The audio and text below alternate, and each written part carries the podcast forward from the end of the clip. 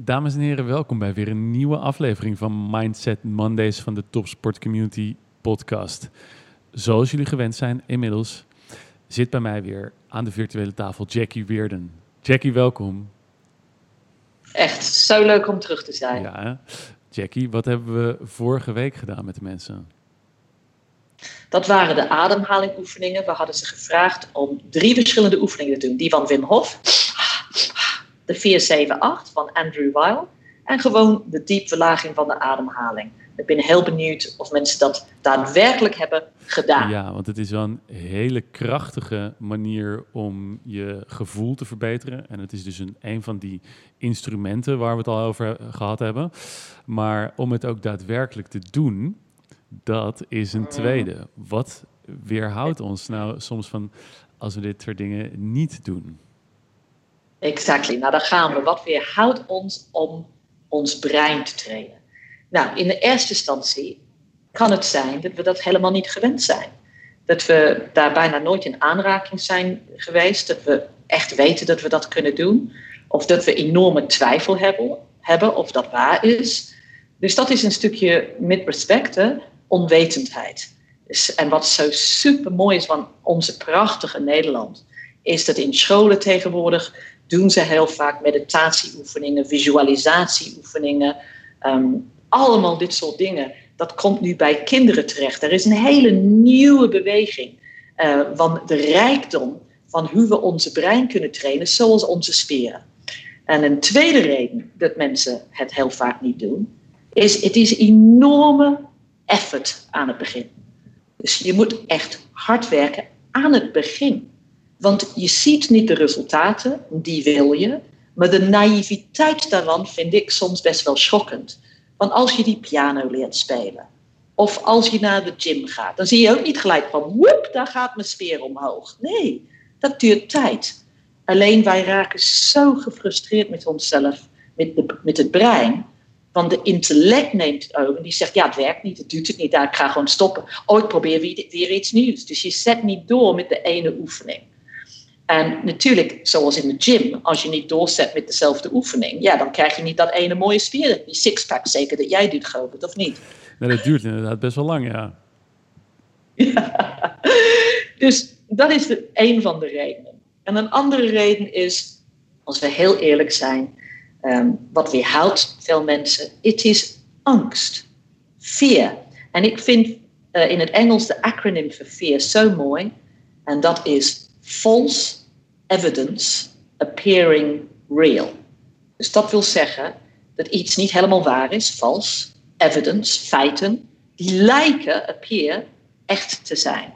Dus je denkt van, oh, dit werkt niet. En dan ga je weer helemaal in verhaal denken van, ja, ja, maar goed, ik kan wel iedere keer blijven visualiseren, maar het lijkt wel magie, dat ga ik helemaal niet doen. En dan ga je weer terug in oude patronen. Want er is false evidence appearing real. Dat is wat fear is. Ja? Mm Terwijl wat fear kan zijn, daar ben ik heel blij mee, is friendly eyes as reality. Want ik ben van mening dat wij maken onze eigen realiteit. Afhankelijk van hoe ik kijk en mijn perceptie van dingen. En hoe, ik, hoe eerlijk ik ben met mijzelf, kan ik creëren een hele mooie leven om mij heen. Maar daarvoor zal ik lef moeten hebben. Lef. En ik ben heel benieuwd um, jij gaat mij verrassen, hoop ik, met een verhaal wanneer jij echt lef hebt toegepast om angst te overkomen met betrekking tot echt veer hebben voor iets. Wat was dat, Govert? Nou ja, ik kan natuurlijk een um, anekdote vertellen uit, de, uit, de, uit mijn sport, maar ik denk dat het eerder herkenbaar is voor mensen als ik het uh, uit iets heel anders doe.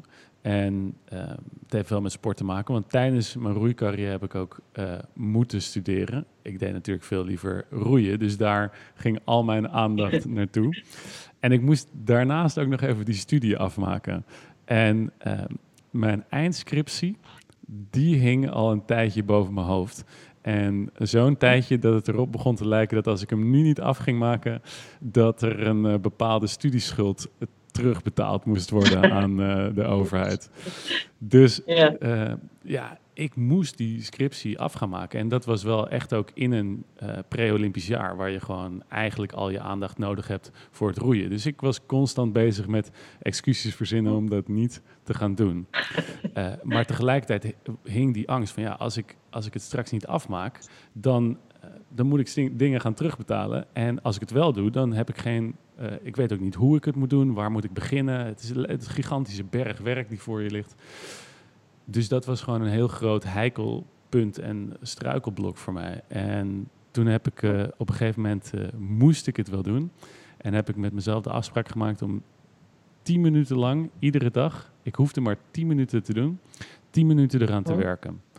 En, en na die 10 minuten merkte ik eigenlijk van, oh, het valt eigenlijk best wel mee. Ik ben nu toch al begonnen, laat ik nog maar eventjes 10 minuten doen. En voor je het weet ben je een, een uur of twee uur verder. Wauw.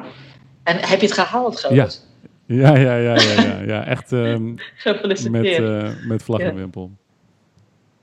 En hoe kreeg je die inzicht om alleen maar 10 minuten te doen? Dat is een prachtig voorbeeld trouwens. Zo, zo intelligent en prettig opgelost uiteindelijk. Ehm, ik heb de tip ook weer gekregen van iemand. En het is nou heel, ehm, heel onbeleefd dat ik niet meer weet van wie ik die tip heb gekregen. Maar die heeft, die heeft echt mijn, mijn studie gered.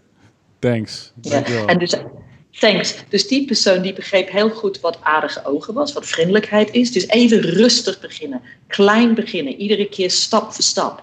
Niet iedere keer tegen die berg opzien. Geef jezelf beloning voor die kleine dingen. En dat, dat werkt fantastisch goed. Maar het is heel vaak ons ego die ons in de weg staat.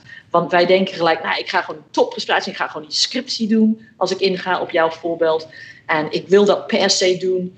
Dat is ook een stukje die mee kan spelen. Niet in jouw geval. Bij jouw geval was het meer een soort angst en tegenop zien. En de ego, een andere acroniem voor ego, is easing goodness out. Wanneer wij beginnen eigenwijs te zijn of arrogant te zijn of te denken, oh ja, maar deze oefeningen die ken ik allemaal, joh, Eh, geef maar maar eens iets nieuws. Hussein, geef me iets nieuws. De top van de wereld doen alle oefeningen die jij en ik hebben beschreven in al deze podcasts. En ze blijven ze doen. Waarom? Het brengt hun terug naar de werkelijkheid. En bijvoorbeeld, wat ik zei in de vorige podcast, de natuurlijke ademhaling. Want wanneer wij beginnen met, en dan ben ik echt een, eh, eh, ik probeer mensen te helpen te leiden naar meditatie. Want in meditatie leren wij observeren wat de natuurlijke ademhaling doet. En ik zal je feitelijk vertellen wat met het brein, het brein doet aan het begin wanneer mensen dat doen. Want dat was dankzij die gesprekken met professor Scherder. Is een beginnende meditator die gaat zitten en zijn of haar brein is totaal niet gewend om alleen maar te observeren wat gaande is. Dus te accepteren wat gaande is. Normaal nemen we altijd actie. We zijn constant in actie. We doen dingen. Of we zitten te bingen met Netflix. Of we zitten een fietstocht te doen. Goede dingen, alle, maakt niet uit, allemaal, maar we doen. Ja. En En is dat het ego dat die dingen eh, doet en die oordeelt? nee, het is niet het ego die de dingen doet. We zijn mensen en we zijn gemaakt om dingen te doen. Alleen, we zijn ook gemaakt om dingen te voelen. Het oordeel is wel heel vaak de ego. Maar het doen is, ja, daar ben ik een hele voorstander van. Actie denken. Maar wat gebeurt is, wanneer je stil gaat zitten, is je brein, en dit is wat Scherder zegt, aan het begin, die, die snapt helemaal niks van niks doen. Die, die wil resultaat, die wil iets doen. Dus dat zijn nieuwe netwerken die je brein helemaal niet begrijpt. Dus, en dat zijn hele lange netwerkpaden. En je kan anderen uitleggen van Scherder en mijzelf luisteren om dit beter te begrijpen in detail. En dat gaat keihard werken in je brein. Dus je zit stil en je denkt van nou, hè, ik wil een meditatieve staat. En dat kan je helemaal niet bereiken. Je brein die, gaat keihard werken. En je, je luistert naar je inner roommate. Dat is wat George Mumford zegt, de coach van Kobe Bryant en Michael Jordan. It's a beautiful expression. Je wordt bijna gevangen door je eigen mind. In plaats, en op een gegeven moment met heel veel ervaring leer je niet weg te winnen, willen rennen van al die gedachten, maar ze te observeren. En wanneer je leert gedachten te observeren, dan wanneer de, de werkelijkheid komt, dan zijn dingen zoals ze zijn, niet zoals je wilt dat ze zijn. Dus je bent niet constant aan het vechten. En je wil niet constant controle. Je ziet dingen zoals ze zijn.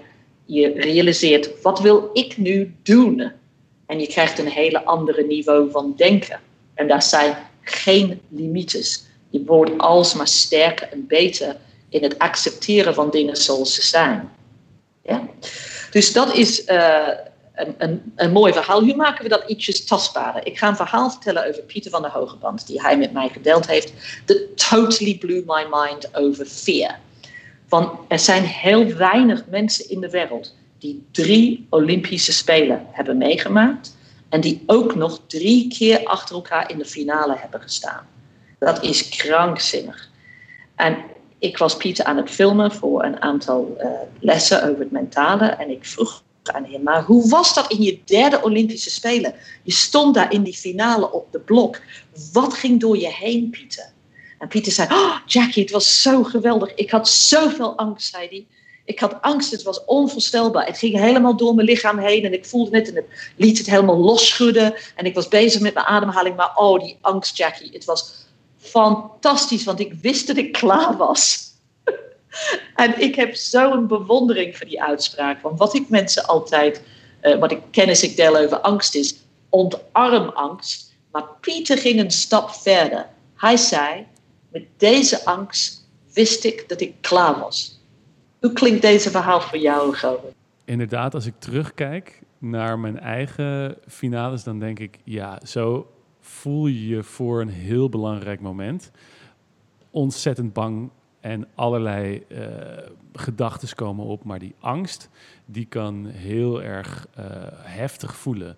Maar tegelijkertijd is het ook een signaal waarvan, als je het goed begrijpt, zegt het eigenlijk: jij bent nu klaar om hier keihard voor te gaan. Omdat dit is het moment dat je het moet gaan doen om door die angst heen te gaan.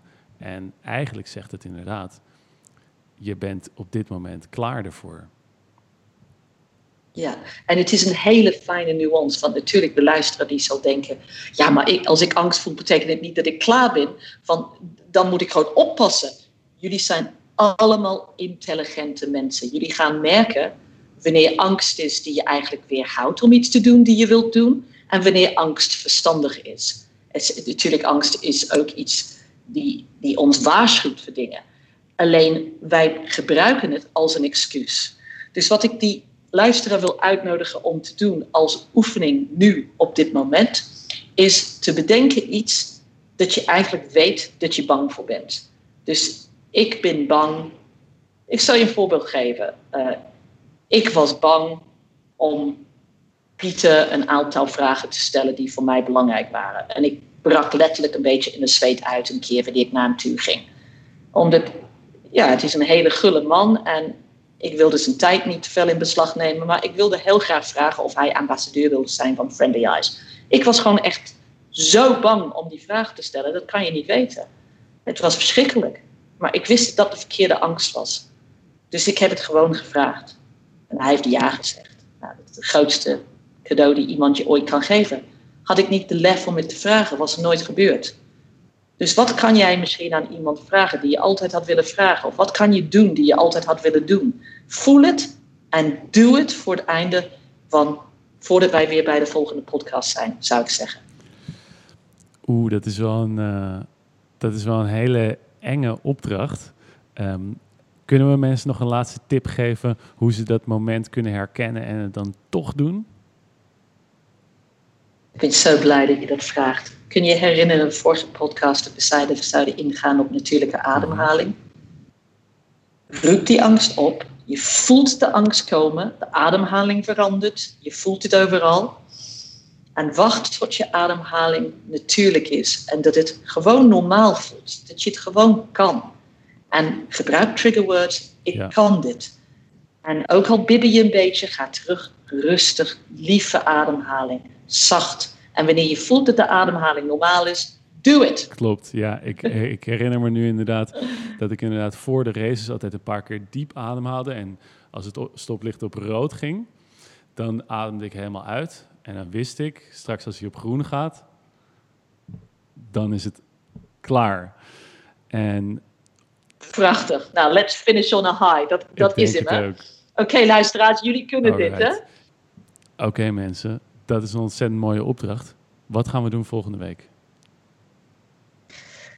Nou, dit allemaal bij elkaar, dan denk je, weet je, dit wil ik echt doen. Dit ga ik voortzetten in mijn leven. Al deze dingen, die zijn nuttig. Maar hoe kan je een blijvende verandering in je mindset verzekeren? En dat is de sluitende podcast volgende week. Ik ben heel benieuwd, Jackie. Tot volgende week. Tot volgende week, Robert. Bye.